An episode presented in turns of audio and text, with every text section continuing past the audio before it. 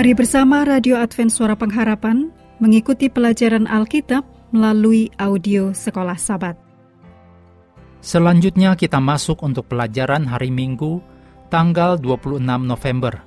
Judulnya Nebukadnesar. Mari kita mulai dengan doa singkat yang didasarkan dari 1 Timotius 6 ayat 17. Jangan berharap pada sesuatu yang tak tentu seperti kekayaan, melainkan pada Allah yang dalam kekayaannya memberikan kepada kita segala sesuatu untuk dinikmati. Amin.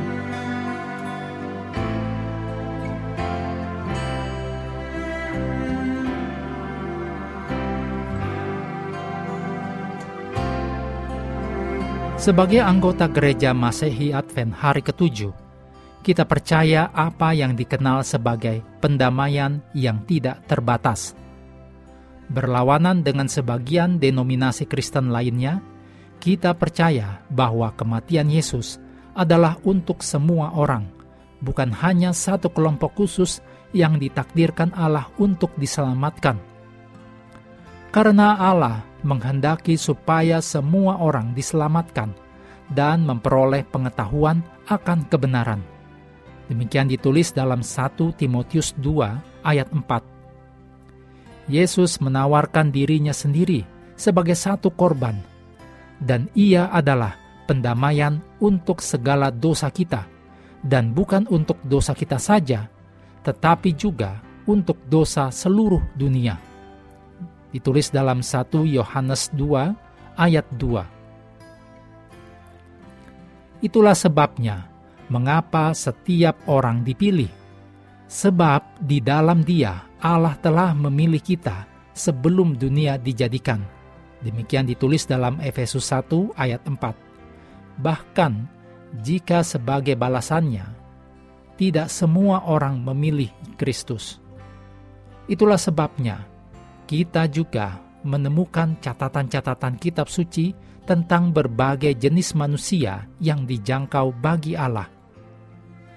Dalam Daniel pasal 4, ada yang terjadi kepada Raja Nebukadnezar dalam pasal ini, dan dikatakan oleh ayat ini tentang keselamatan yang datang kepada salah satu dari orang-orang yang paling berkuasa di dunia.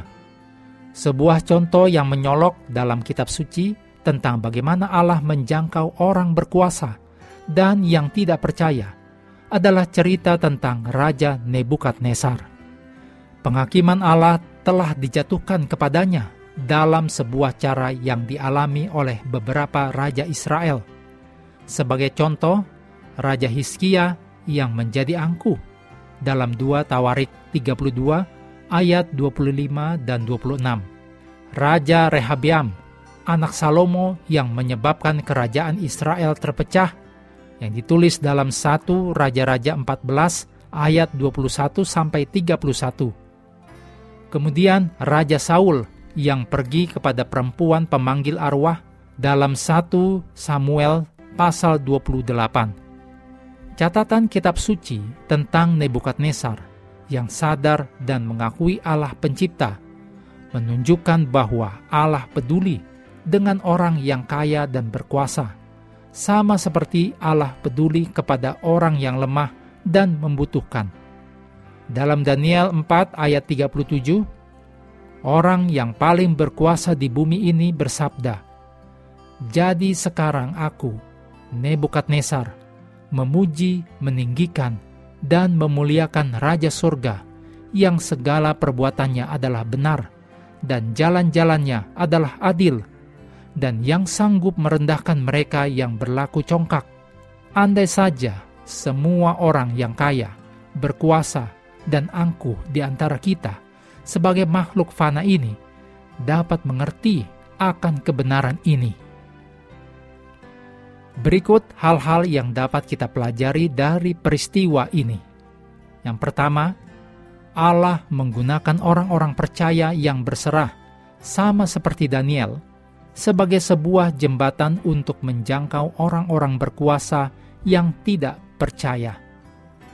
Yang kedua, Allah bisa mengintervensi secara langsung dalam proses bersaksi untuk menjangkau orang yang berkuasa yang tidak percaya. Nebukadnezar direndahkan oleh Allah karena kesombongan dan arogansinya. Dan walaupun ini adalah sebuah kisah yang sangat dramatis, ada banyak cara lain bagi orang yang kaya, berkuasa, dan angkuh bisa direndahkan. Walaupun kita tidak kaya dan tidak berkuasa berdasarkan standar dunia, kita harus berhati-hati untuk menghindari jenis kesombongan yang telah ditunjukkan oleh Raja Nebukadnezar ini. Sebab sikap seperti itu bisa lebih mudah kita miliki daripada yang kita pikirkan. Mengakhiri pelajaran hari ini, mari kembali ke ayat hafalan Matius 16 ayat 26. Apa gunanya seseorang memperoleh seluruh dunia, tetapi kehilangan nyawanya? Dan apakah yang dapat diberikannya sebagai ganti nyawanya? Kami terus mendorong Anda bersekutu dengan Tuhan setiap hari, bersama dengan seluruh anggota keluarga, baik melalui renungan harian, pelajaran sekolah sahabat, dan bacaan Alkitab sedunia, percayalah kepada nabi-nabinya, yang untuk hari ini melanjutkan dari Yesaya pasal 3 Tuhan memberkati kita semua.